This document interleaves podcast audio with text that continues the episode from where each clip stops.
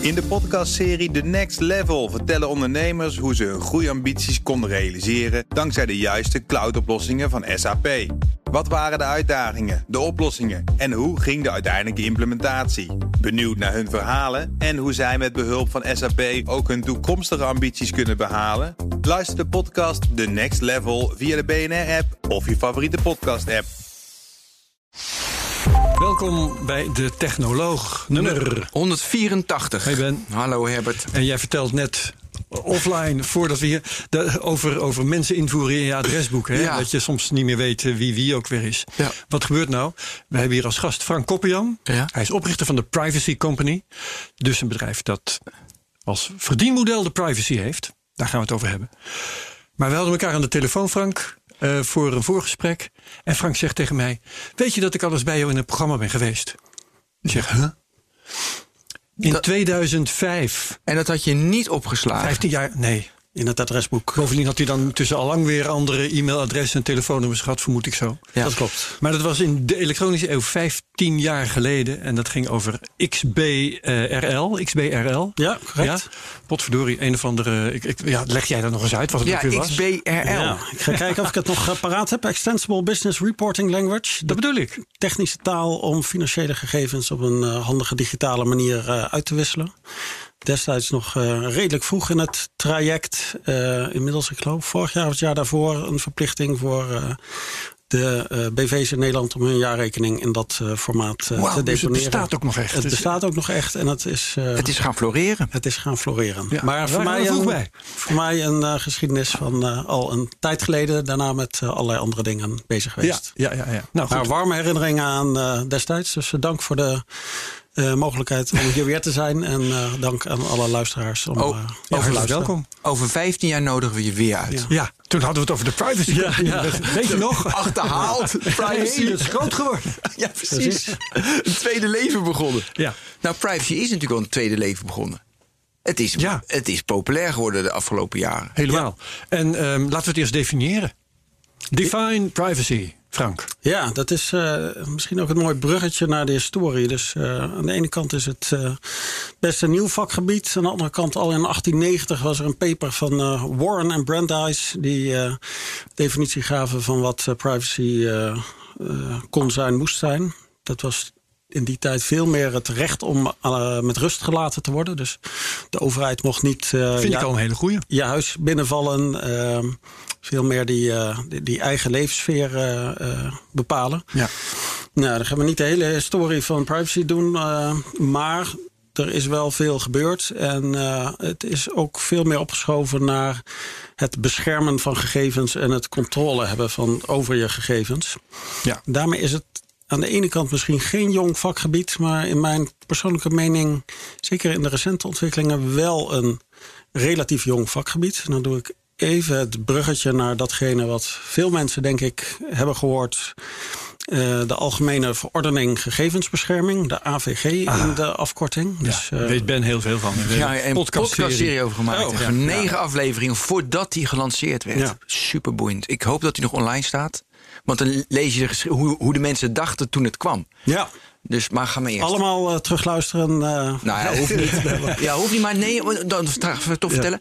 De onduidelijkheid. Weet je, de ene hoogleraar zei. Nou, het heeft totaal geen invloed. Weet je, er gaat echt weinig veranderen. De andere zei van de hele wereld gaat op de schop.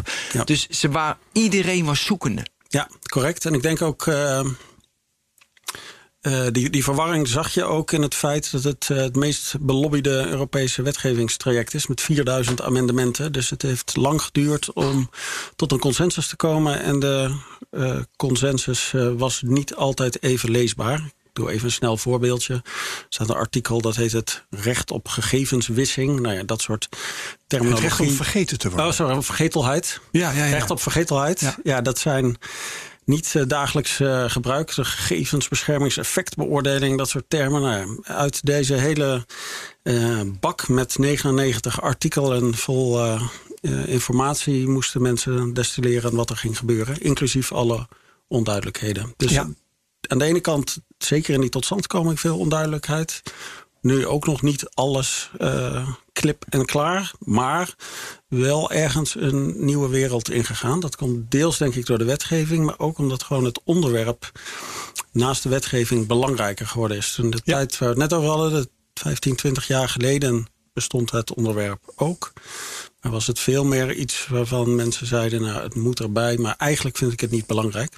Ja, is het keer, maar is het keerpunt eigenlijk dat we persoonlijke data, dat we dat gaan minen en gaan nutje, gaan met mensen het verzamelen van data. Dus bij de opkomst van Facebook, Google, dat die het businessmodel, weet je, je bent data, je bent uh, de olie enzovoort. Dat het toen eigenlijk, toen werd het actueel. Dus dat is het keerpunt.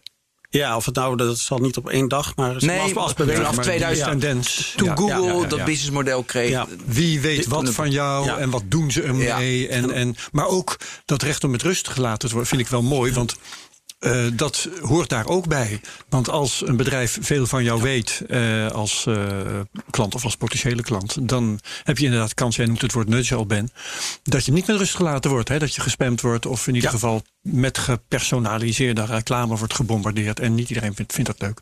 Ja, ik denk dat is ook het andere bruggetje. Want voordat het alleen een Google, Facebook dynamiek is, er is natuurlijk in de breedte veel meer data verzameld en veel meer data ook uitgewisseld. Dus aan de ene kant is inderdaad die, die grote Amerikaanse beweging. Aan de andere kant zit er een onderliggende stroom. Zij zijn niet de enige die met data in de weer zijn gegaan. Ja, omdat de technologie het mogelijk maakte door snel data te verwerken. door je, je precies goedkoop op te slaan. Uh, goed, daardoor kan het. Weet je, andere algoritme. Ja, uh, het, uh, hoe noem je dat ook weer?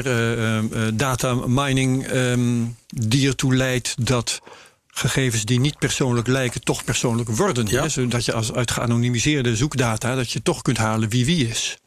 Absoluut. Dat komt er nog eens bij, waardoor uh, nou ja, niet de, de, de AVG zegt, uh, sorry, niet de AVG, de autoriteit persoonsgegevens bombardeert soms een bepaald type gegevens tot persoonsgegevens waarvan je dat in eerste instantie niet zou denken. Nee, dat klopt. Dus Misschien weet jij een beter voorbeeld dan ik, want ik weet even uh, niks. Maar... Ja, locatiedata is nu recentelijk uh, erg. Uh, ja, een IP-nummer is tot persoonsgegeven, ja? wat ook wel redelijk logisch is. Maar hoewel dat in eerste instantie niet is, hè, want een IP-nummer is iets technisch. Het is een verbinding en wie daar aan zit, ja, dat is een volgende kwestie. Maar het is toch ja. persoonsgegeven. Ja, je ziet uh, dat er best wel bakken gegevens zijn of type gegevens zijn die in eerste instantie uh, lijken niets te zeggen, maar doordat ze vrij soepel herleidbaar zijn, dan wel soms je kunt er van alles mee doen. moeilijk herleidbaar zijn, toch iets zeggen over jou. En jij bent ook vrij snel weer te vinden in die ja. bakken. Er zijn ook analyses geweest over creditcard transacties. Als je daar maar hard genoeg eh, op gaat rekenen, kom je vrij snel terug bij de persoon die de transactie heeft gedaan. Dus de, ja, de, de, de hoeveelheid data in combinatie met de rekenkracht om terug te leiden, maakt dat er eigenlijk steeds meer te herleiden is tot een persoon. Ja. En daarmee dus het belang om dat goed te beschermen groter wordt. En nou, nou um, is er een bepaalde associatie tussen privacy en anonimiteit. En uh, er zijn mensen die verwarren het een met het ander. Ja. Kun jij iets vertellen wat we kunnen onthouden wat het verschil is tussen die twee? Ja, kijk, als gegevens echt anoniem zijn, betekent dat ze nooit meer te herleiden zijn en daarmee uh, ook uh, geen persoonsgegevens zullen zijn. Alleen die anonieme gegevenssets, zoals we net bespraken, zijn er vaak niet. Dus ik ga meestal uit van de. Nee, laat ik het anders zeggen. Je kunt heel lang soms analyseren of een bepaald gegeven een persoonsgegeven is, wel of niet. Of je kunt de aanname soms doen, laten we er gewoon van uitgaan dat dit een persoonsgegeven is. En dan op basis daarvan de maatregelen nemen die je zou nemen alsof het een persoonsgegeven was. Maar noem eens een gegeven waarbij die twijfel is. Uh, nou, locatiegegevens is er nu een die erg ter discussie staat. Dus de telecomoperators gaan al dan niet uh, locaties verstrekken aan de overheid. Uh, in verband met corona. In verband met corona. En dan is de vraag of losse puntjes uh, persoonsgegevens zijn. Nou, één puntje die jou door de dag heen volgt is snel een persoonsgegeven. Dan kun je er allerlei aggregaties op doen. Ik ga puntjes samenvoegen. Er zijn nog technieken om uh, neppuntjes toe te voegen. Je kunt uh, de codes van die puntjes om de uur of om de 24 uur een nieuwe code geven. Nou, er zijn allerlei technieken. En daarbinnen is dan de uitdaging om gegevens zo danig onherkenbaar te krijgen dat ze echt anoniem zijn. En daar is vaak gedacht, heel veel is anoniem. En nu zie je dus dat er door de slimme rekenmethode en de hoeveelheid data steeds meer puntjes, zal ik maar even zeggen, terug te leiden zijn tot uh, jou of mij of iemand anders. En hoeveel gebeurt dat dan in de praktijk? Dat is ook echt mijn puntjes volgen en dat herleiden. Uh, ja, dat is lastig te zeggen. In de zin dat natuurlijk. Nou ja, als je toestaat bijvoorbeeld, dan gebeurt dat gewoon wel. En als jij tegen Google zegt. Uh, ja, Google, of nee, sterker nog, als jij Google niet verbiedt om jouw locatiedata te gebruiken. En je laat je locatie aanstaan op je telefoon. Maar ik dacht even aan de overheid. Ik, dus Google of Facebook weet ik. Ja, nee, terecht, terecht. Nee, goed, ik heb alles uitstaan, Herbert. Dus. dat kan mij niet schelen. jawel, jawel. ik, nee, maar ik, even, kijk, ik heb geen marktcijfers over het gebeurt met zoveel data of uh, zoveel terabyte. Maar wat je ziet is, er zijn gewoon initiatieven waar dit plaatsvindt. En een die dan in het oog springt bijvoorbeeld is uh, het tellen van bezoekers aan, ste aan steden. Dus, oh, wat nu actueel hmm. is, uh, CBS maakte, vandaag nemen we hem op, maar we nemen het op een dag op. Uh, 2018 koningin, Koningsdag was het toen al, dat ze geteld hebben in Amsterdam hoe de, hoe de stromen van mensen zijn. Verkeer, verkeersstromen. En daar, dat Met kentekens en al. Sorry? Met kentekens Nee, en met de mobiele telefoon hebben ze het gedaan. Oké. Dus dat was zeg maar een bewijs van het, het CBS dat het al vaker gebeurt.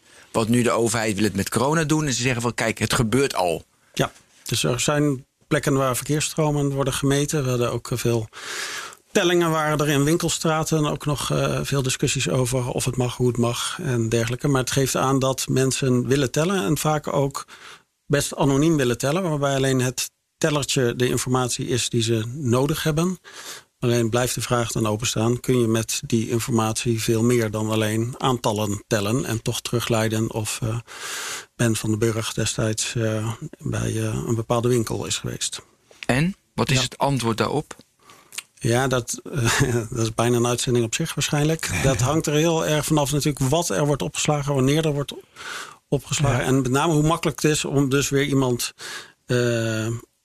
om dat puntje terug te brengen naar de persoon. Ja, winkel kun je dan denken. Als je een beetje uh, adres van mijn, zeg maar van mijn iPhone. Ja, precies. Het hangt er vanaf of je, tenminste vaak, of je het met een ander bestand kunt ja. kruisen. Ja, en als je dan van één punt weet van eh, dat was hij zeker, dan weet je het ook van alle punten die daaraan vastzitten. Ja. Nou, en dat is een beetje mijn vraag. Google snap ik, Facebook snap ik, daarom is de AVG zo zo interessant. Want die hebben veel minder invloed op die bedrijven. Maar daar doen ze ook iets te weinig aan. Maar daar komen we straks hoop ik op terug. Uh, daarom is mijn vraag, hoe vaak gebeurt dat dan? Want naar mijn idee, maar ik ben onwijs naïef hierin. Ja, weet je, als een lokale shop hier, die gaat het niet combineren met dat ik een keer uh, iets kocht. Of, eh, dat kunnen ze allemaal niet.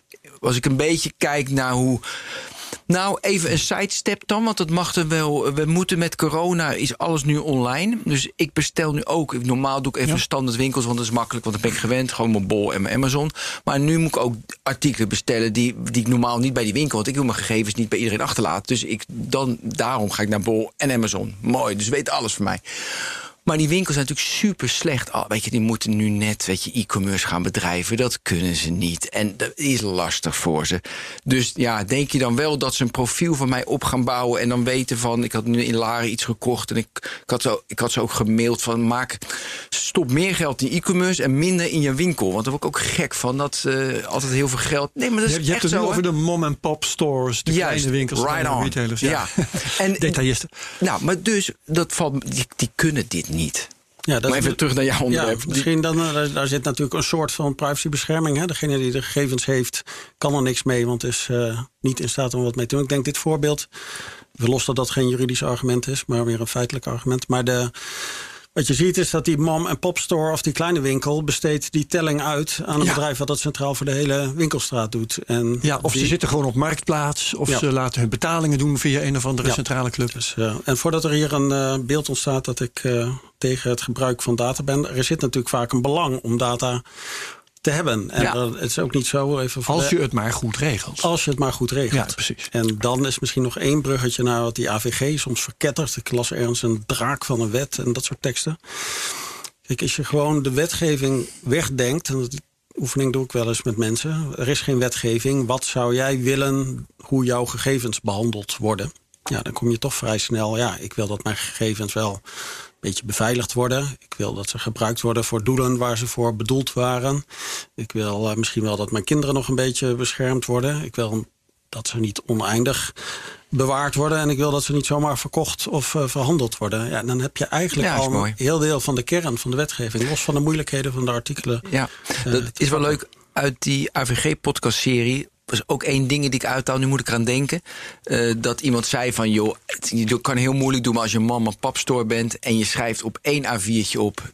Dit is de data die ik heb. Dit doe ik ermee. Ik zal, ik zal, ik zal eh, dus, dat is de doelstelling. Ik zal het direct weggooien als ik het niet meer gebruik. Eén A4'tje, als je dat hebt, is dan goed. En dat vond ik wel heel ontnuchterend en verhelderend. Ja. Mensen allemaal moeilijk indelen, maar als je. Dat is eigenlijk ook dit verhaal. Ja, Dus en dat is de andere kant. eh, daar bevat de AVG ook regels over, over die transparantie en leesbaarheid. En eh, ehm, ja, daar, daar zitten verplichtingen in. Da- Daarom wordt het ook vaak gezegd privacy hinder en moeilijkheden. En we moeten allemaal papierwerk doen. En dat is ook het bruggetje naar eh, onze dienstverlening voor een deel.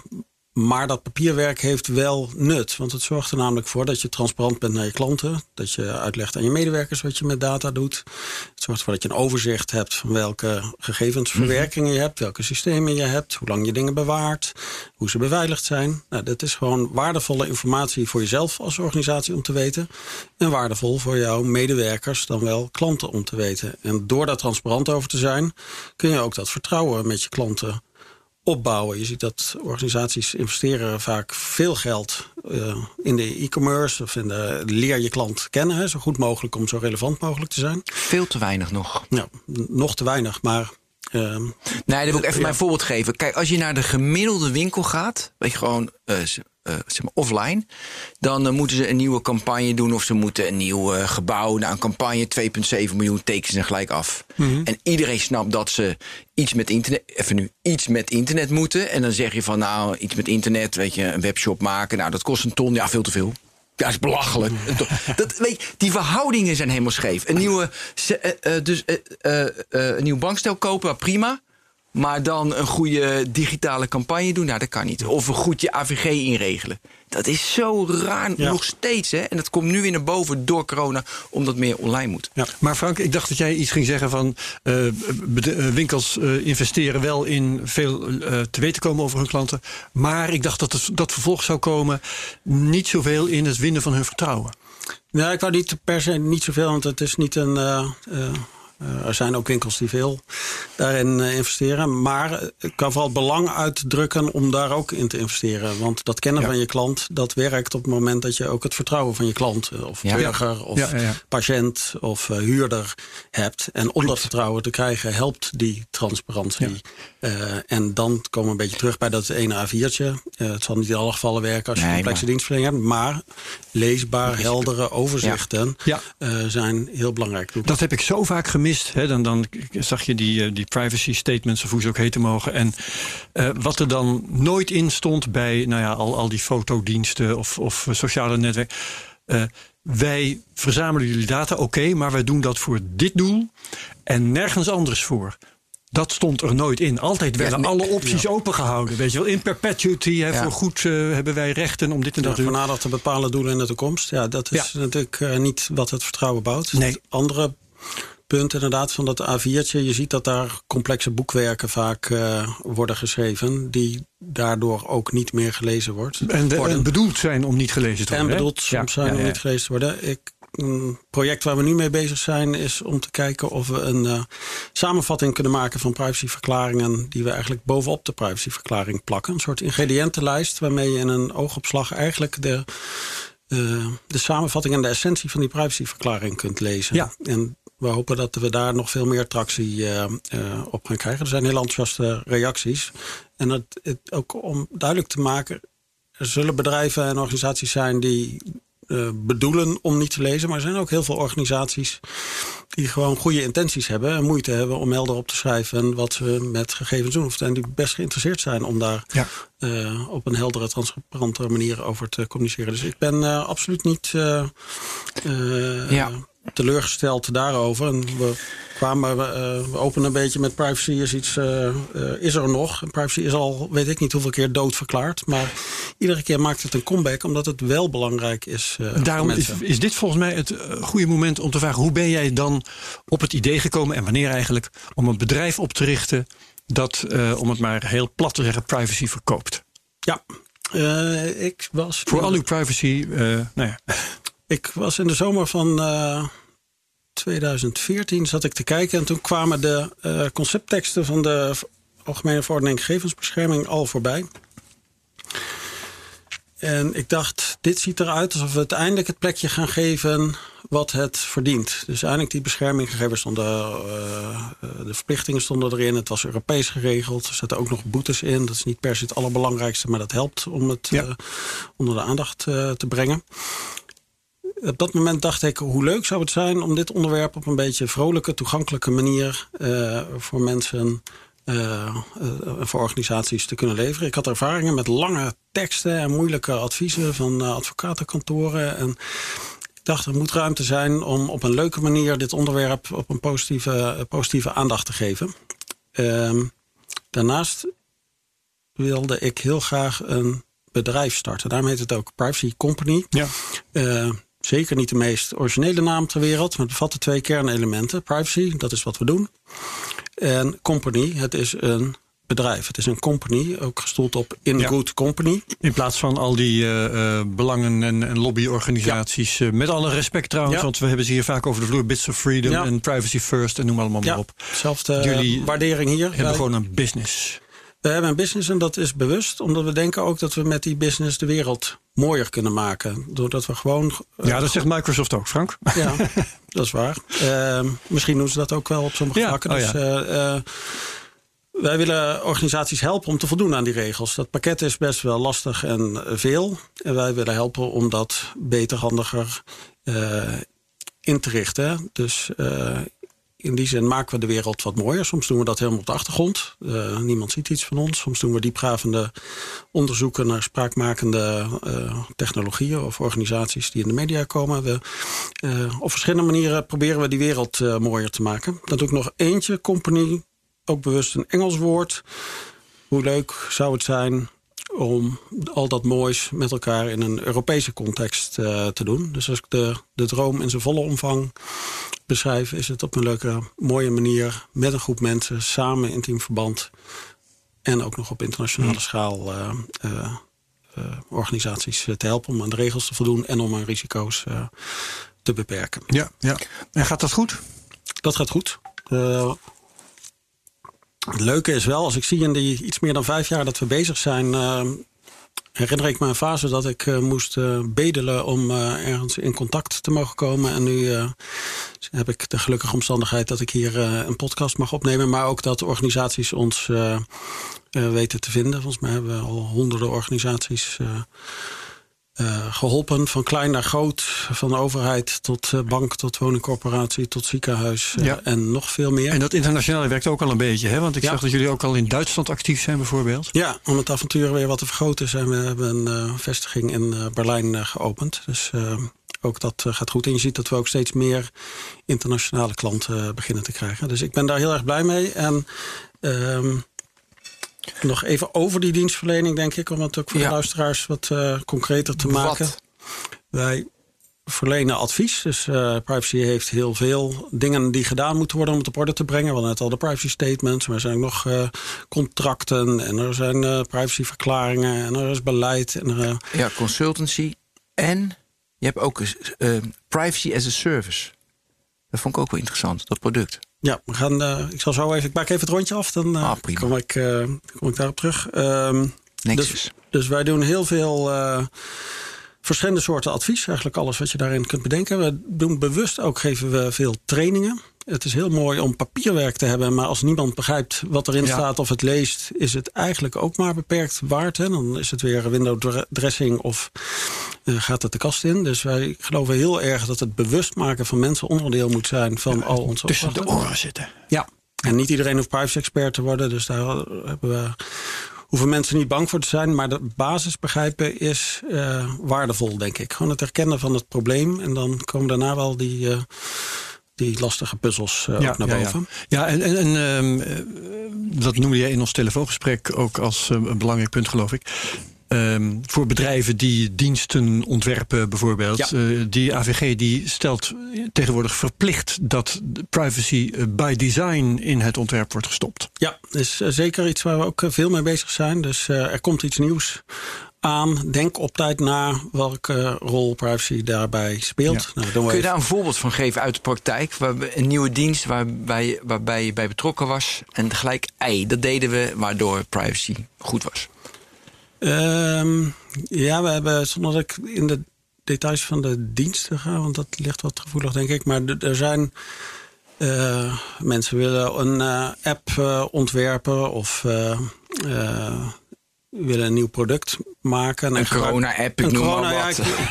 daar waren wij niet eh, bij betrokken, maar het is wel een mooi voorbeeld. Het geeft aan, denk vroeg na over privacy, anders heb je wat gebouwd, moet je terug, gedaan, ja. terug naar de tekentafel en, eh, en eh, opnieuw ben- beginnen. Ben je, kun, je, kun je het opnieuw eh, beginnen. Ehm, misschien een aardig voorbeeld wel van het soort dingen die daar heel waardevol in kunnen zijn. We hebben onder andere contact met een eh, app die heet eh, Huurpaspoort. Als eh, huurders bij een woningcorporatie eh, een woning willen huren, moeten zij heel veel gegevens aanleveren. Dus eh, loonstrookjes en allerlei bewijzen en papier. Terwijl ze eigenlijk maar een deel van die papierwinkel nodig hebben. Ze willen bepaalde kernelementen hebben. Nou, deze app zorgt ervoor dat je dus eigenlijk bij de bron de kernelementen verzamelt. Daar een groen eh, stem, eh, vinkje achter zet en doorleidt. Die manier kun je heel veel data, kun je met veel minder data vaak eh, controles en eh, checks doen.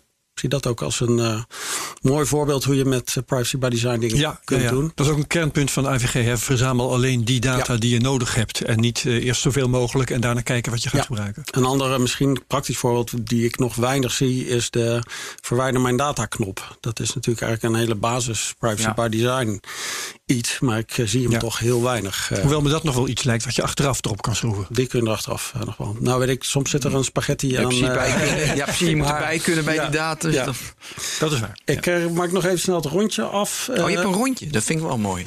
nou ja, we doen, we doen, we doen weer. Ik hou van rondjes, hè jongens. Dus, eh, Ja, Ja, ja, ja. Rondjes, ja. Rondje 38. Ja, zo snel. mijn rondje is wat minder snel. Maar ehm, ehm, om die bewustwording goed mogelijk te maken, levert Privacy Company ook eh, e-learnings. Dus dat is een heel mooi middel om grote groepen eh, bewust te maken. En we hebben ehm, privacy management software gebouwd. Om te voldoen aan de regels is het eh, nodig om heel veel in je organisatie te verzamelen. Wat heb ik? Waar staat het? Wat doe ik ermee? Eh, welke leveranciers heb ik? Welke contracten heb ik? Welke doelen gebruik ik het voor? Nou, dat is in een grote organisatie een aardige klus om te verzamelen. Het klinkt allemaal heel bazaal en je denkt iedereen heeft het. Maar het kost gewoon veel tijd en werk om dat goed te verzamelen.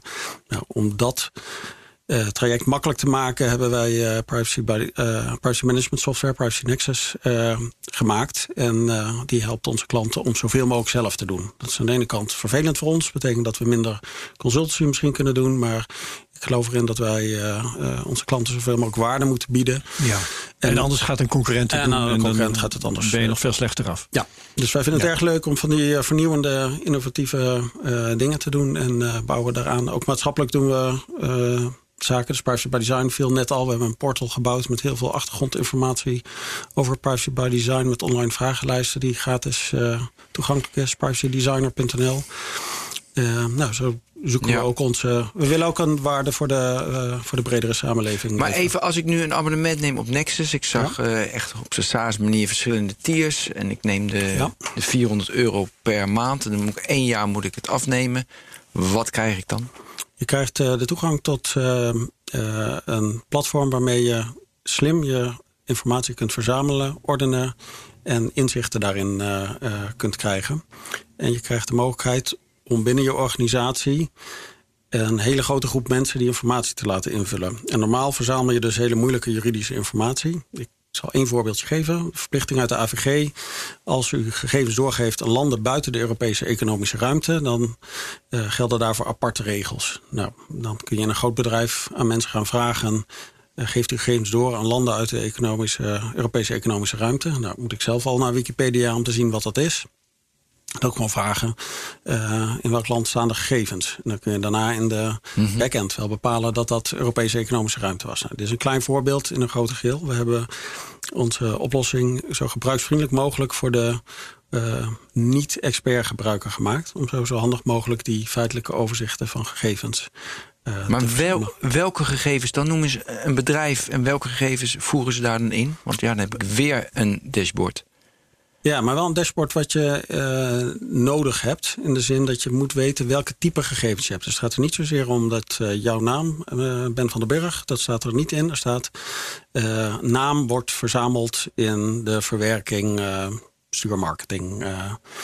en er staat ook bij in welk systeem het staat, in wat er qua beveiliging plaats heeft gevonden. Je kunt er datalekken in administreren, je kunt er diepgaandere...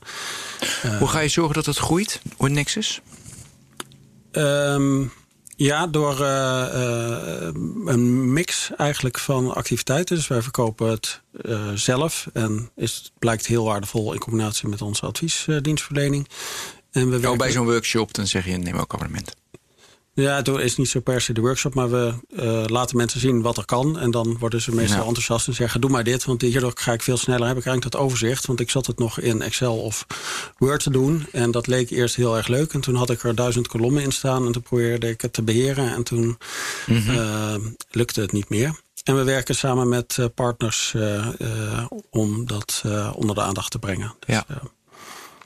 Wat is de. Dus jij zegt dat zei jij, en daarvoor, ik werd getriggerd, Herbert. Jij zei, je verkoopt privacy. Toen popte bij mij gelijk op van, wat is privacy eigenlijk waard? Weet ja, je, wat is, de, vraag, ja. wat is de waarde van privacy? Kun je daar een filosofische beschouwing over laten? Want je kan natuurlijk gewoon denken van, um, bijvoorbeeld dat Facebook de gemiddelde ARPU wereldwijd iets meer dan 6 dollar is. Dus dan is de gemiddelde waarde van de data is iets meer dan 6 dollar. Zo zou je kunnen redeneren. Of ik heb nu, ik vind de New York Times, heb ik sinds kort nu abonnement op 2 euro per maand. Echt geen geld. Nee, nee, nee, inderdaad, dat zag ik ook. En hoe die met privacy omgaan, echt gewoon alles. Weet je, dus ze willen niets meer op die site. Alleen maar, alleen maar subscribers. Dus, de, dus mijn privacy wordt gewaarborgd. Uh, en dan betaal ik dus af voor 2 euro per maand. Ja, ik vind dat nu. Geweldig deal. Ja, ja, geweldig. Dus toen dacht ik, oh, het is ook twee, voor, voor de New York Times is 2 euro waard. Ja. En zo heb ik natuurlijk heel veel betaalde services. Dan betaal ik de privacy af. Ja. Ze volgen me wel ergens anders, dat weet ik. Dus nou, zo zat ik te denken. Wat, wat, wat zijn jouw beschouwingen erover? Ja, er zitten een paar dingen aan, denk ik. Uh, inderdaad, die calculaties zijn voor verschillende bedrijven wel eens gemaakt. Ik weet ze niet meer uit mijn hoofd dat voor Facebook. Uh, de bedragen waren. Ik herinner me dat een Amerikaanse account meer waard was dan een Europese Ja, klopt. 26 account. dollar uit ja. mijn hoofd in Amerika. Europa iets van 24 en gemiddeld ja, wereldwijd 6. Iets dat, minder 6. Dat is een hele economische manier om er naar te kijken. Kan natuurlijk, zal per organisatie verschillen. Um, ik denk dat bedrijven hier economisch naar kijken. En Misschien consumenten uh, op een wat meer emotionele manier zou dat kunnen? Dat, dat zou kunnen. Ik wou eigenlijk vooral het punt maken: het is niet alleen een. En hier raak je het verschil tussen Amerika en Europa, denk ik, uh, enigszins. In Amerika is privacy een, vooral een consumentenrecht. Als de consument zegt: ik mag de gegevens verkopen, dan. Uh, uh, is dat oké. Okay. Dus veel meer een, uh, iets wat je economisch kunt verhandelen. Mijn data is geld waard. In Europa is het ook een grondrecht. Zitten dus eigenlijk veel dieper op een, op een andere as. Mm -hmm. uh, neemt niet weg dat je vast calculaties kunt doen. Hoeveel is het waard voor een bedrijf? En ik hoop dat die calculaties ook op veel plekken gedaan zullen worden. Met name omdat vaak dat alternatief wat jij nu noemt, New York Times, 2 euro zou mooi zijn als die, dat alternatief in sommige gevallen beschikbaar komt. Het mist in sommige gevallen. Het ja, is vind ik ook. cookiebol of niks. En ja. Uh, ja. eigenlijk is maar wil, zou het mooier zijn als. Ja, precies, wil ik ook nog naartoe. Maar wat het volgens mij ook is, dat het een risico afkopen is. Even als consument.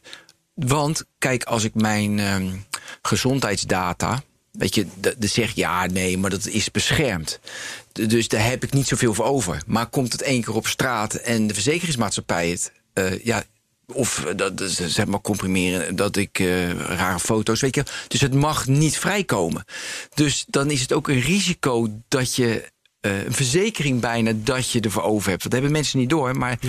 dan is het veel waard. Want stel je voor dat de hele privacygevoelige data op straat komt. Dat wil je niet. Overigens uh, is je het bijna, ook, ook wel zo dat je betaalt en dat ze toch nog met je data aan de hand Ja, dat is helemaal, ja, dat is helemaal ik heb de voorbeelden niet bij de hand, maar ik denk dat uh, jullie en ook veel luisteraars wel dat soort dingen voorbij hebben zien komen. Dat mensen betaalden en dat er toch van allerlei data op straat belanden. Of in ieder geval bij werden doorverkocht ja. naar reclamebedrijven. Tinder.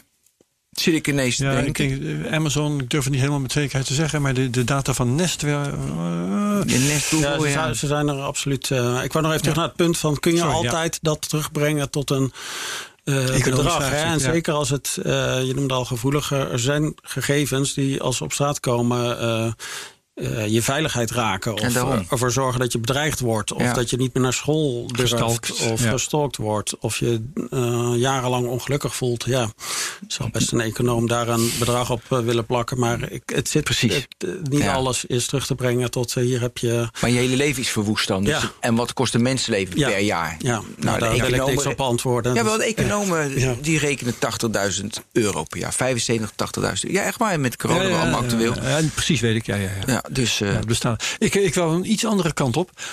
Misschien wel interessant. Eh, want we hebben het nu, eh, als het om bedrijven gaat, eh, om eh, hoe, hoe- hoeveel is het een bedrijf waard om zeker te weten dat ze goed omgaan met de privacy van hun klanten. Ja. Maar ehm, in hoeverre heeft een bedrijf zelf eigenlijk privacy en rechtenprivacy en hoe- in hoeverre is dat geld waard? Ik zal je vertellen hoe ik aan de vraag kom. Mijn echtgenote werkt bij een organisatie, dus ik ken het toevallig uit, van, van dichtbij, waar ze overgegaan zijn op Chromebooks. En eh, toen dacht ik meteen, hey, bedrijf gaat over op Chromebooks. Ik, ik snap dat wel, want ze zijn goedkoop. Je hebt er weinig omkijken naar. Er bestaat weinig Scholen. malware Je hebt voor. scholen gratis, hadden we een paar weken Ja, het gaat er eentje kapot. Dan eh, pak je een nieuwe. Je logt in en je kunt gewoon verder. Allemaal vreselijk praktisch. Ja. Maar wat gebeurt er met de data van je bedrijf? En ik heb geen idee wat voor overeenkomst een bedrijf dan eh, onderte- ondertekent. Wat de privacyvoorwaarden in dat geval zijn. Maar weet jij daar iets van? Hoe, hoe eh, gaan bedrijven met die vorm van privacy om hun eigen privacy? Ja, het is een- hele interessante vraag. In de zin dat eh, werknemers ook rechten hebben op privacy. Al is het maar om Dat eh, ook al, dus niet, al- niet weer een constant gevolgd te worden. Ja, ja, Die raak je hier een beetje, denk ik. Ja. Hè? Als de Chromebook jou als medewerker constant volgt. Ja. Ehm, Ook waar je bent bijvoorbeeld. En daar, andere punt wat je daar raakt, we weten niet welke afspraken daar worden gemaakt. Een aantal, wat wij ook doen, zijn onderzoeken naar dit soort Ah. eh, eh, zaken. En dan eh, eh, kijken wat zit er, staat er in die voorwaarden. En ook kijken wat gebeurt er daadwerkelijk in de datalaag. Dus we gaan kijken wat wordt er nou verstuurd. Even Ja. los. Oh, moet je van voorbeeld eh, tussen geven. Maar heel, heel even terug naar Herbert. Dat is toch gewoon AVG? De Google levert die Chromebooks aan een instantie. Nou, die vraag wou ik net onder woorden brengen. Beschermt de AVG bedrijven Ja, ik- ook eigenlijk? Eh, bedrijven als, als eh moeten entiteit zijn niet zeg maar, het bescherm, hetgene wat de AVG beschermt. Maar de AVG beschermt wel de mensen. En daarmee Oké. en een bedrijf zijn En dus mensen. ook werknemers. Ja. Nee, Hey. maar de, de gegevens van een bedrijf zijn weer iets anders dan de gegevens van de medewerkers van dat bedrijf. Absoluut. En er is ook dat een. kun je tenminste onderscheiden. eh, schiet me even niet te binnen hoe die precies heet. Maar volgens mij wetsgeheimhouding, bedrijfsgeheimen of iets dergelijks er is aparte. Ja. Kijk, het recept van een frisbra- frisdrankleverancier is ook heel veel waard potentieel. En alle reden om dat te Ja. beschermen. Maar valt niet onder de eh privacywetgeving. Ja. Dus er zijn verschillende... Nee, maar het is waarschijnlijk wel een economisch delict om daar slordig mee om te gaan. Ja. Als ver- verzamelaar van data, als, Ja. als Google in dit geval. Maar je zei net, ik, we analyseren dan data om te kijken of het voldoet aan de AVG binnen een bedrijf. Ja, we pakken eh, in dit Nee. geval pak even ik door op het eh, voorbeeld van de Chromebooks. Ja. Eh, we kijken wat er in dat contract staat en we kijken daarna of we kunnen zien in de data wat er daadwerkelijk verstuurd wordt. Want daar zitten soms verschillen in. Ja. Eh, de- Je zegt we kijken. Ehm, even om duidelijk te hebben, wie is in dat geval je klant? Het bedrijf dat de Chromebooks heeft? Of is Google in zo'n geval? Of, of een partij die met Google te vergelijken valt, jouw klant? Hoe, Er zijn- wat is je positie? Er zijn verschillende mogelijkheden in. Het kan zijn dat een bedrijf onszelf inhuurt. Wij willen graag weten hoe het geregeld is. We vinden het fijn dat een onafhankelijk Ja. eh, kwalitatief bureau bekijkt wat er gebeurt. Ja. En op basis van die resultaten. Dus dan moet ik denken aan het bedrijf dat de Chromebooks gebruikt.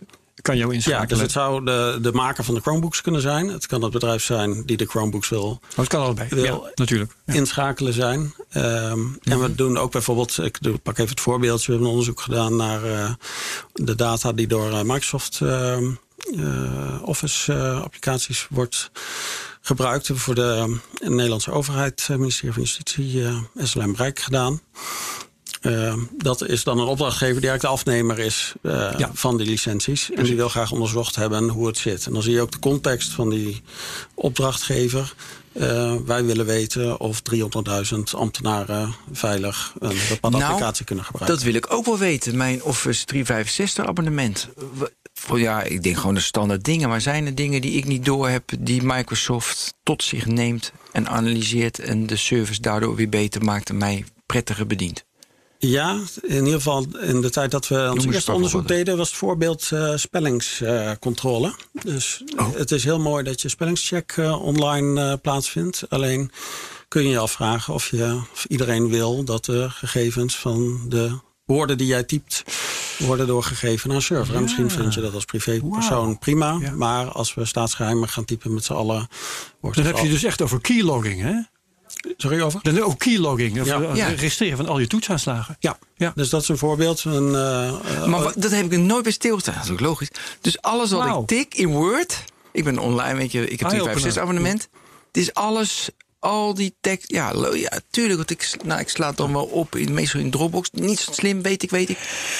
Dan wil ik even wel de nuance doen dat naar aanleiding. Dat is ook iets waar ik stiekem wel. Uh, nou, misschien niet alleen stiekem, maar ik wel trots op ben. Is dat naar aanleiding van ons onderzoek heeft Microsoft een aantal aanpassingen gedaan. Onder andere in de licenties. En hebben die ja. wereldwijd toepasbaar uh, gemaakt. Nou, Wat hebben ze aangepast? Uh, de doelen waarvoor ze bepaalde gegevens. Gewoon een, wo een, een woord aangepast, ja.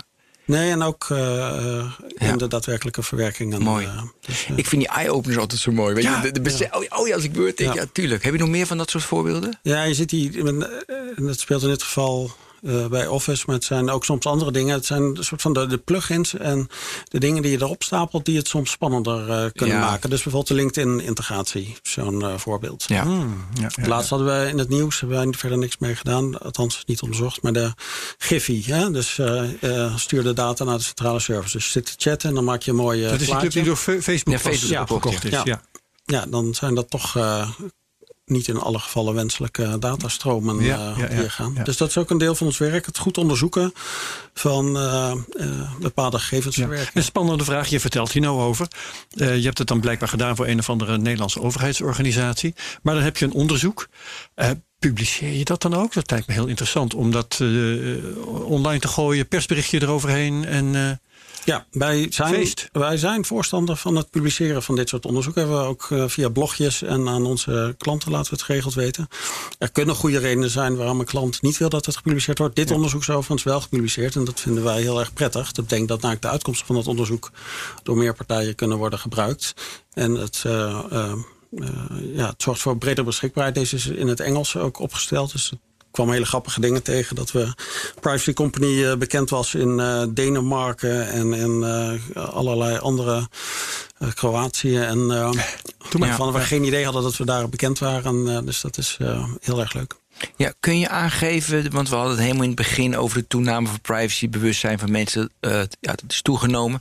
Heb je daar wat getallen voor, wat praktijk voor, dat je ziet van nou, weet je, vijf jaar geleden. Want ik keek vanmorgen toevallig expres even naar uh, de browser Chrome, hoe populair die is. Ik dacht, moet even kijken wat Brave, wat die groeit. Nou ja, groeit, maar dat is natuurlijk Chrome nog steeds. Dat blijft gewoon vlak op 62 procent, echt ongelooflijk. Heb jij daar andere getallen over? Gaat het beter gebruik van Startpage, het gebruik van DuckDuckGo? Enzovoorts, uh, enzovoorts. Die Signal. gebruiksgetallen heb ik niet. Het uh, paraat, het viel me wel op. Ik reed toevallig in de auto op de rondweg rond Utrecht. Daar zag ik de advertenties van DuckDuckGo. Ja, goed, dat heb ik ook ja, gezien. Dat is... Uh, van de hele grote ja. hebben. Prachtig. Ja. In Nederland. Wow. Ja. Partijen als DuckDuckGo, Startpage. Leuk dat die die tractie krijgen. Ja, realiteit is natuurlijk wel dat ze van een andere orde zijn dan uh, uh, Google. En daar ook ja. niet snel zullen uitkomen. Wat wel zo is, er zijn getallen, maar ik heb ze nu niet in detail paraat, is dat er uh, toch behoorlijk bewustzijn is over het bestaan van privacy van de AVG, verordening gegevensbescherming. En je ziet dat ook eigenlijk door de verschillende doelgroepen heen het onderwerp belangrijk wordt gevonden. Er wordt wel eens gezegd, uh, jongeren, ja, de jongeren, jongeren, niet, ja, heel jongeren goed vinden het aan. wel degelijk ja. belangrijk. Ze kijken er soms wat anders naar. Ik wil controle over mijn gegevens hebben.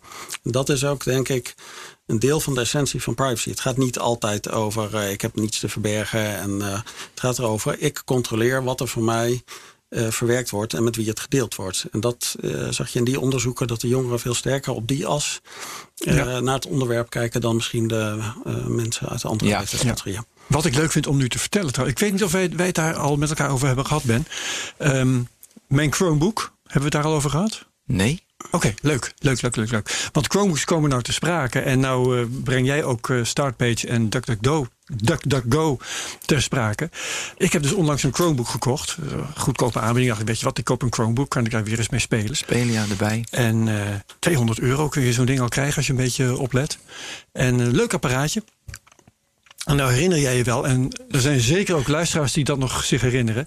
Mijn Fairphone en Ja. hoe ik die heb geprobeerd te ontgoogelen. en hoe Wekelijks dat vragen ze een me beetje uit de nog, hand liep. hoe is het nou met de hele Ja, is echt Oké. belangrijk. Ontgoocheld. Ja. Ontgoocheld.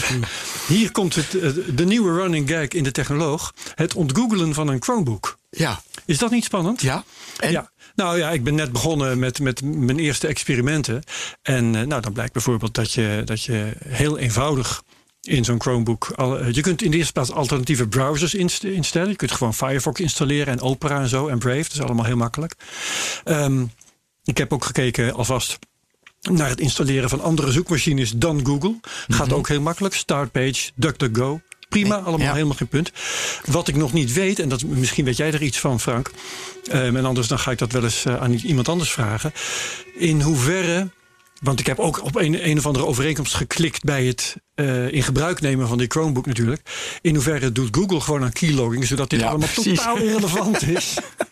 Ik, eh, weet jij dat, Frank? ik heb dat antwoord niet paraat uh, Nee, hoeveel. oké, dat dus dat is onder de onderwerp van onderzoek. Ehm, Ik kan misschien nog wel een ehm, kleine reactie op het punt van Ben ook geven. Hè. Hoeveel ehm, nieuwe partijen zijn er die op een privacyvriendelijke manier groeien. En in hoeverre geeft dat aan dat er heel veel tractie is. Eh, dat is aan de ene kant heel belangrijk. Dus dat er nieuwe partijen komen die privacyvriendelijk zijn ingericht.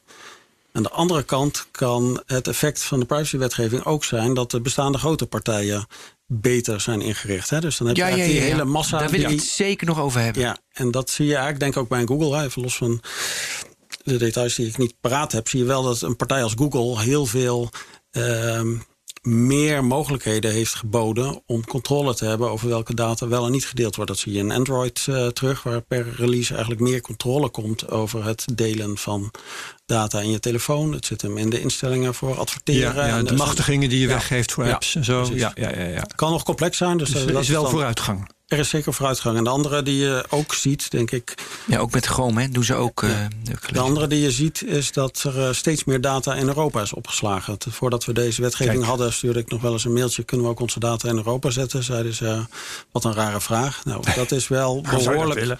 Ja. behoorlijk, ja, dat is behoorlijk gedraaid. Nou, dus zo zitten er op de onderlaag zitten er soms winsten die je misschien minder terugziet in een statistiek over hoeveel procent wil wel of niet. Nou, één bruggetje naar de corona-app. Daar wou een derde van Nederland, las ik gisteren, sowieso niet aan meedoen. Eh, Ja. Even eh, los van de Ja. redenen waarom. Maar de, de- er is, is zeker eh, bewustzijn bij mensen. En eh, niet iedereen wil zomaar alles delen. Ja, Ja. ja, ja. ja. We moeten nog even, dan wil ik even terug als het mag. Je zei helemaal in het begin, die mam en pap, hè, Ben hebben ze jouw data, maar dat zei jij voor mij, dan delen ze dat wel weer verder met anderen of met de, met de winkeliersvereniging in de straat. Heb je daar voorbeelden van? Want ik kan me dat ook niet voorstellen dat ze zo geavanceerd zijn dat ze het allemaal kunnen doen. Ehm, nou ja, voorbeelden zijn dat bijvoorbeeld die tellingen in de winkelstraten... die worden niet door de winkelier zelf gebouwd. Dat is veel te complex om zo'n systeem te bouwen. Dus die ehm, huren dat soort dingen in of kopen de Maar dat gegevens. gebeurt nog steeds. Nee, Eh, toch? Het is al lang eh, dat, dat ze dat niet meer doen, want ze weten, dit, dit is kansloos. Dan krijg je heel veel eh, pushback als mensen daar een zaak van maken. Ja, er zijn wel veel discussies over geweest. In hoeverre, dan komen we aan het begin van het gesprek... kun je het dusdanig anonimiseren Ja, dat precies. het, ja, die. dat het veilig is. Ehm, en dat geldt ook, webshop kan ik even als voorbeeld verzinnen. De mom-and-pop shop neemt, gaat niet vanaf scratch een eigen veilige webshop ontwerpen. Die neemt een Ja. IT-bedrijf of een leverancier of een eh SaaS-oplossing en laat ook het daar doen. En dat, Ja. dat biedt dan de mogelijkheid om dat veel centraler eh, te doen. Dus eh, ik denk dat je daar die verzameling, verzameling ziet. Het, de, er zijn partijen die eh, daar hun Ja. core business. Of het is een zij-effect van de business die ze nou eenmaal hebben. En dan wordt het dus belangrijk om na te denken: hoe lang bewaar ik iets? Heb ik het echt nodig? Ehm, hoe Ja. regel ik het op een slimme manier? Ik denk even aan Shopify, dus die hebben natuurlijk heel Ja. veel winkels. En, maar ik denk niet als jij naar winkel A gaat, die gebruikt Shopify, en ik ga naar winkel B, dat dat gecombineerd wordt via Shopify. Weet ik niet, want ik ken de Shopify service niet zo goed. Ik ook niet. Maar dat kan ik me niet eh, voorstellen zeg maar, als je pakt, kan. pakt eh, het internet met de tracking pixels en de, eh, je, wordt, wel, je wordt digitaal misschien. eh, eigenlijk eh, kijkt iemand over je schouder mee waar je allemaal eh, langs gaat. Ja.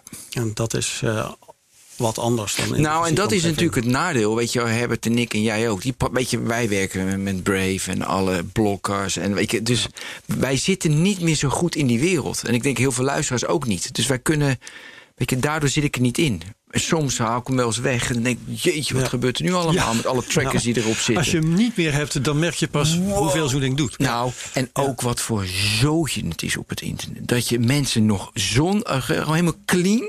Nou, dat, dat is niet meer te doen.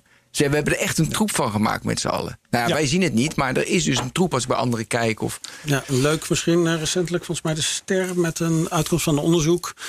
Dat het eh, relatief weinig tot geen effect. Nee, dat het weinig tot geen effect had om al die eh, eh, veilingen, profielen en eh tracking te doen. Hè, de reden waarom mensen heel veel willen weten van ons als we op het internet zijn, is dat we beter kunnen verkopen. Of is in ieder geval een deel Ja. van de redenen. De gedachte, ja. Als nu steeds meer gaat blijken dat dat effect beperkt is, kan het. eh, ja, de contextual advertisement neemt toe. Dus het wordt populairder, wordt Ja. beter enzovoort. Ja, precies. Ja, las ik ook. Als ik mag. Ja. Ehm, je hebt de personal data management. Heb je verschillende, verschillende niveaus. Kun je daar iets over vertellen? Ja, ik, ik las het.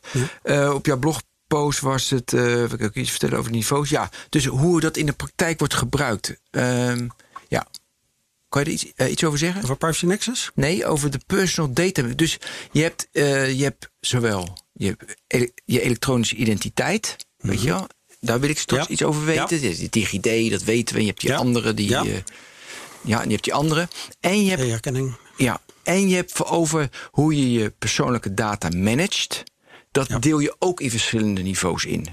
Volgens mij is dat niet is dat een standaard. Maar is dat geen hebben jullie, hebben jullie die standaard gemaakt? Dat is dan de eerste vraag. Maar volgens mij is het een standaard. Er zijn een paar dingen. Dus de betrouwbaarheid van authenticatiemiddelen, daar zit een standaard op waarbij niveau 1 tot en met 4 eh, bestaat. Waarbij niveau 1 behoorlijk onbetrouwbaar is en niveau 4 een eh, daadwerkelijke controle aan de hand van eh, paspoort en dergelijke. Dus daar zit gewoon een EIDAS-standaard met Ja, en met Eh. DigiD standaard met sms is dan.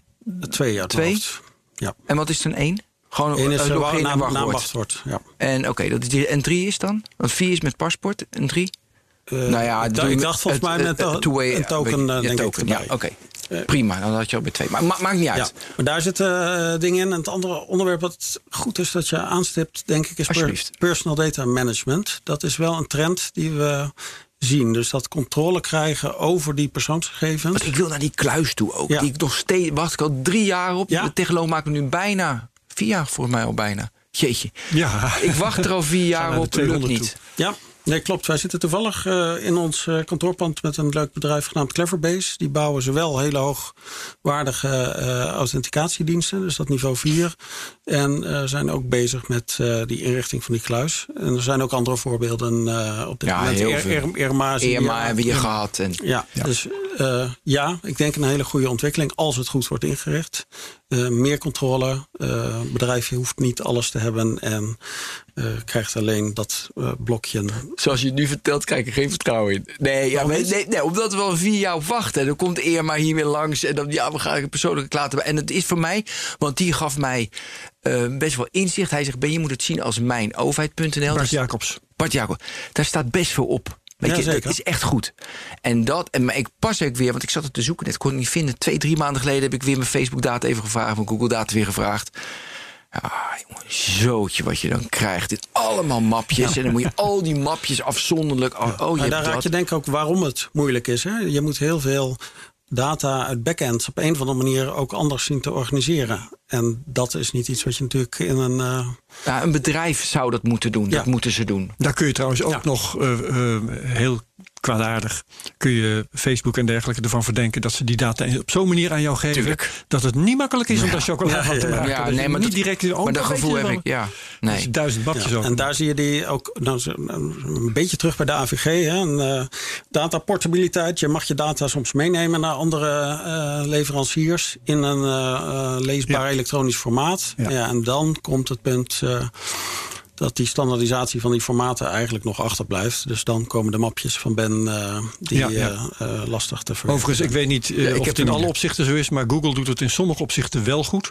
Bijvoorbeeld eh, dat ze je kunnen laten zien eh, eh, wat ze weten van jouw lo- locatie door, eh, de, door de jaren heen zelfs. En dan kun je echt gewoon van dag tot dag kun je een plattegrond zien Ja. van Nederland of van de wereld voor mijn part waar je bent geweest. En sommige Ja. mensen schrikken daar zich een hoedje van en zetten meteen de locatie. uit. Ja, ik denk dat veel mensen het niet weten. Op het moment dat je hem aanzet, dan... eh, Dat is altijd, over eye-openers gesproken, zijn heel wat mensen die zich daar een ongeluk van schrikken. ja. Tja, jongen, echt. Ik, ik heb hem nu voor, want ik kon hem ineens wel vinden.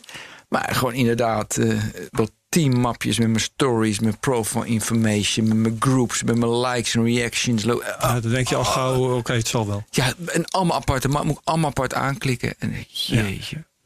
Ik heb nog een, een hele fundamentele vraag. Eh, Had jij nog. eh, Ik heb, he- ik heb alleen mijn fundamentele vragen vandaag.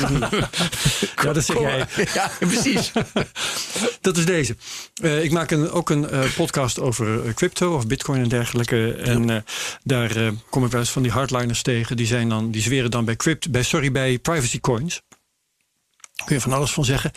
Maar er is een, bijvoorbeeld een hele goede Monero. En die, die maakt vrijwel gegarandeerd anonieme betalingen mogelijk. Tenminste, dat wordt gezegd. Ehm, zie je ook altijd meteen, eh, voor zover het, eh, het werkt, dat, het- dat het ook eh, criminelen aantrekt. Ja. Want ik ben een hele grote tegenstander van zeggen, bitcoin is allemaal criminaliteit. Dat is onzin. Maar je ziet wel dat zodra ergens absolute eh, anonimiteit wordt gegarandeerd, denk aan het dark web, dan trekt dat gewoon hele dubieuze elementen aan. Mhm. En daarom is mijn vraag aan jou: je kunt privacy halen uit de techniek. Zoals het dark web, Monero, Freenet had je vroeger, allemaal van dat soort dingen. En je kunt privacy halen uit wetgeving. Ehm, waarbij het nadeel kan zijn dat ja, bedrijven kunnen zich niet aan wetgeving houden. En zien ze dan maar eens voor de rechter te slepen. Dat is voor een consument ook niet altijd makkelijk. Dus hoe zie jij eh, die verhouding? Waar zie jij een juist evenwicht tussen privacy uit techniek en privacy uit wetgeving? Ja, een mooi dilemma waarbij denk ik be- beiden relevant zijn. Hè? Die wetgeving die moet er zijn om die, eh, dat eerste deel eh, goed te krijgen bij bedrijven. Techniek biedt soms buitengewoon interessante mogelijkheden om privacy beter te regelen. Aan de andere kant, privacy is geen eh, recht wat geen enkele beperking krijgt. En hier raak je er weer een inderdaad, criminaliteit. Dus eh, deze discussie speelt ook heel sterk bij versleuteling. Kunnen we zo sterk versleutelen dat niemand het meer kan lezen. Maar ook, dan ja. hebben we moeite Ja, om de boeven te vangen. En eh, de privacy hardliner zegt er mag nooit wat ontsleuteld worden. De opsporer zegt alles moet ontsleutelbaar zijn. Anders komen er te veel boeven. Ja. En daar zit soms wel de, de uitdaging om die twee werelden bij elkaar te krijgen. Om ze met hun verschillende belangen tot een eh, werkzaam iets te krijgen. Waarbij je dan eh, ook de crypto-experts hebt die zeggen: eh, wacht eens eventjes, zodra je die backdoors, hè, zodra je een evenwicht zoekt, is er geen serieuze encryptie meer. Ja, Want de sleutels gaan gelekt worden of misbruikt worden door degene die bevoegdheden hebben. Dat kan ook, en, Ja. en dat soort zaken. Dus, ja en de dus de is vraag natuurlijk- of dat, of dat een dilemma is waar een compromis mogelijk is. Ja, maar eh, dat zal soms lastig zijn, ook door de aard van de techniek. Hè. Dus de blockchains en de crypto's hebben hun eigen technische oplossingen met Ja. veel replicaties op veel plekken. Aan de andere kant, eh, je noemde laatst tegen mij eh, de stemmachines, hè, waar we nog op Ja, papier onze dingen doen. Ehm, er, er zitten soms oplossingen over andere boegen zijn er te vinden. Daar waar die twee werelden elkaar, denk ik, Mhm. soms het wat moeilijk maken. Het belangrijkste is dat er, denk ik, de open eh, blik is en ruimte om het begrip voor die andere kant van die medaille ook uh, te begrijpen en dan samen te gaan zoeken. En dat is wat ik eigenlijk vaak mis. Hè. Het is terrorisme is uh, het ergste wat er is, of uh, ja. epidemie of de pandemie is het ergste wat er is. Daar moet alles altijd voor wijken. En dan kom je in een hele ja. binaire witwassen van geld. en dan ook de privacykant. privacy is het allerbelangrijkste wat er is. Er mag nooit iets worden opgeslagen. Nou, die uitersten zijn niet houdbaar. En die balans zoeken, dat is een deel eh, van de uitdaging waar we met z'n allen voor staan, waar wij ook ons steentje bijdragen. En hoe vind jij dat de overheid met die balans omgaat? Ik denk even, gisteren werden, die, werden gege uh, gegevens van de RIVM-site. Het was wel leuk, Herbert. Ik ging dus naar die. Ik was lid hè, van de infectieraden bij de RIVM. Dus ik. Ja de eerste keer dacht ik van ja, ik ga toch niet zomaar aan een site al die, al die gegevens geven. Deed ik het niet. De tweede keer heb ik fake data ingevuld. want ik wilde wel meedoen. En, want ik, dus ik, man, toen was er een lek. En uh, onze, uh, onze, onze minister de Jong, uh, Hugo de Jonge die vertelde van ja, mensen maken fouten, kan gebeuren. Ja, toen had ik van wow, dat is best wel. Dus mijn vraag ja. is, hoe dat de overheid met de balans omgaat. Ja, die vraag is natuurlijk ook weer zo algemeen dat die. Dat die oh, nou, je kan, een mening, je kan gewoon een mening hebben. Je zegt gewoon: kijk, ik vind dat de overheid uh, in Nederland best wel sleepwet, denk ik. Ah, je moet blijven knokken. Je moet blijven knokken om niet op dat hele vlak te komen. Ik ben van dat is mijn want, want, op het, want het gevaar ligt een beetje op de loer dat Frank een diplomatiek antwoord gaat geven. Want uh, heeft belangen. een opdracht gegeven. En wij hebben geen belangen. Kom nee, op. Ja, mijn mening is, dat zal ik even zeggen, dat juist de overheid zich heel vaak opstelt als een belangenorganisatie. als, je, als het gaat over encryptie bijvoorbeeld, dan uh, doet Grapperhaus uitspraken. Dan denk ik, joh, jij staat hier voor een belang niet voor de burgers of zoiets, maar voor het belang van de opsporing. Uh, en die afweging, daar ben je op dat moment niet mee bezig. Je, probeert iets binnen te slepen. En dat vind ik wel dubieus. Nou jij. Ja, um, ik zit even te denken, want dat, dat correcte antwoord wilde ik ook niet geven. Aan de andere kant vond ik het lastig, want ik zie de, de overheid doet. Ja, de overheid is ja, heel breed. Nee, uiteraard. Maar ik noem RIVM ja. als voorbeeld. Ja. Graphuis nemen we als voorbeeld met crypto. Ik zie, uh, de sleepwet. Je kunt ook heel veel wetten. Ja, ik zie de wens om veel data te gebruiken. Er is vandaag weer, of een deze dagen, weer een nieuw wetsvoorstel. Moet ik even opzoeken. Het wetsvoorstel gegevensverwerkingen door samenwerkingsverbanden ingediend. Dat betekent dat een aantal overheidsclubjes samen met elkaar meer data kunnen uitwisselen. Soms ook bankaire gegevens erbij.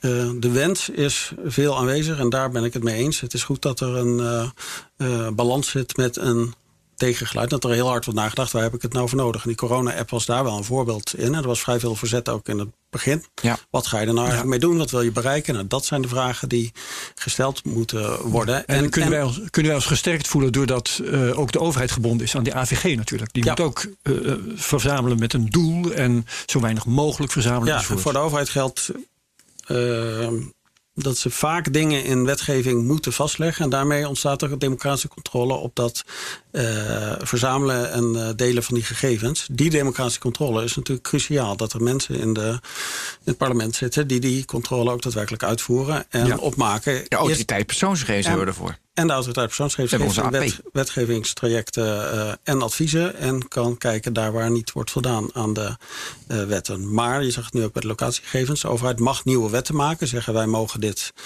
vanaf nu deze gegevens verwerken. En dan heb je die parlementaire balans nodig. Dus dat er mensen in de kamers kijken is dit echt nodig, zinvol? Ja. Is dit in lijn met het doel? En dan, en dan moet je hopen dat ze dat niet met, doen met te veel haast. Uh, of dat ze, dat, uh, dat ze daar de goede deskundigheid voor hebben. Enzovoort. Dat is, daar schort het ook nog wel eens aan, ja. als ik mag zeggen. En de balans in de voorstellen om soms ook weer de controles en de toezicht op die uitvoering uh, te organiseren. Dus dat zag je bij de sleepwet, dat er wel in het voorstel uh, toezichtsorgaan en dat soort uh, zaken werden geregeld. Dat is niet de oplossing voor alles, maar je kunt ja. in de uitwerking verplichte her herevaluatie, ik zeg bij de corona-app, een maximale looptijd. Nou, er zijn best dingen waar je over kunt nadenken om het risico ja. wat te dempen. Ja. En dat is belangrijk, want we moeten ook onze overheid blijvend vertrouwen en de rechtsstaat intact houden.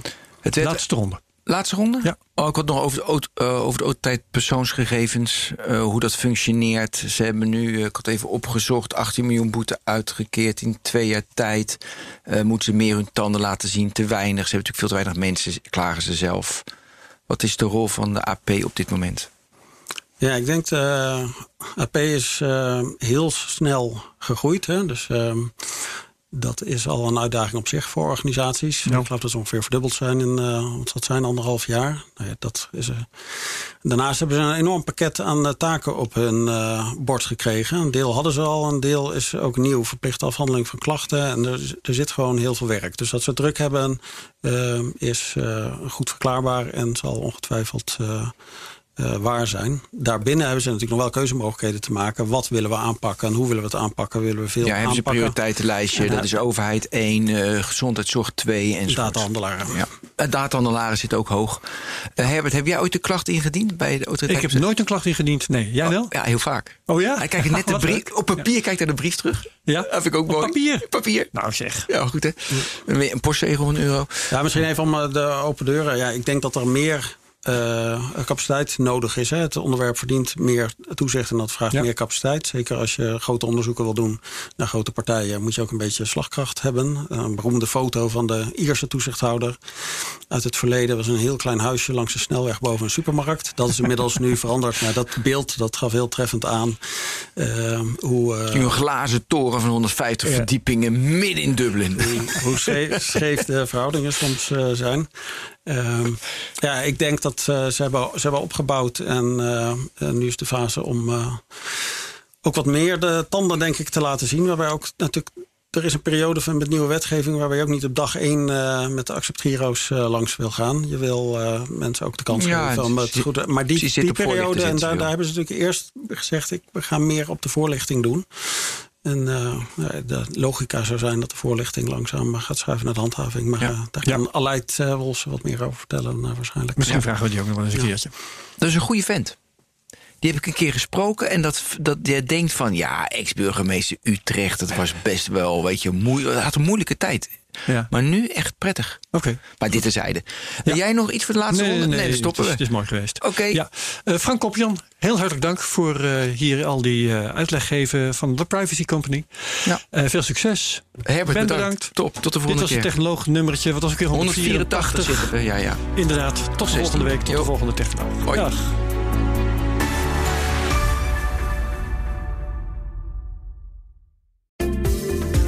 In de podcastserie The Next Level vertellen ondernemers hoe ze hun groeiambities konden realiseren dankzij de juiste cloudoplossingen van SAP.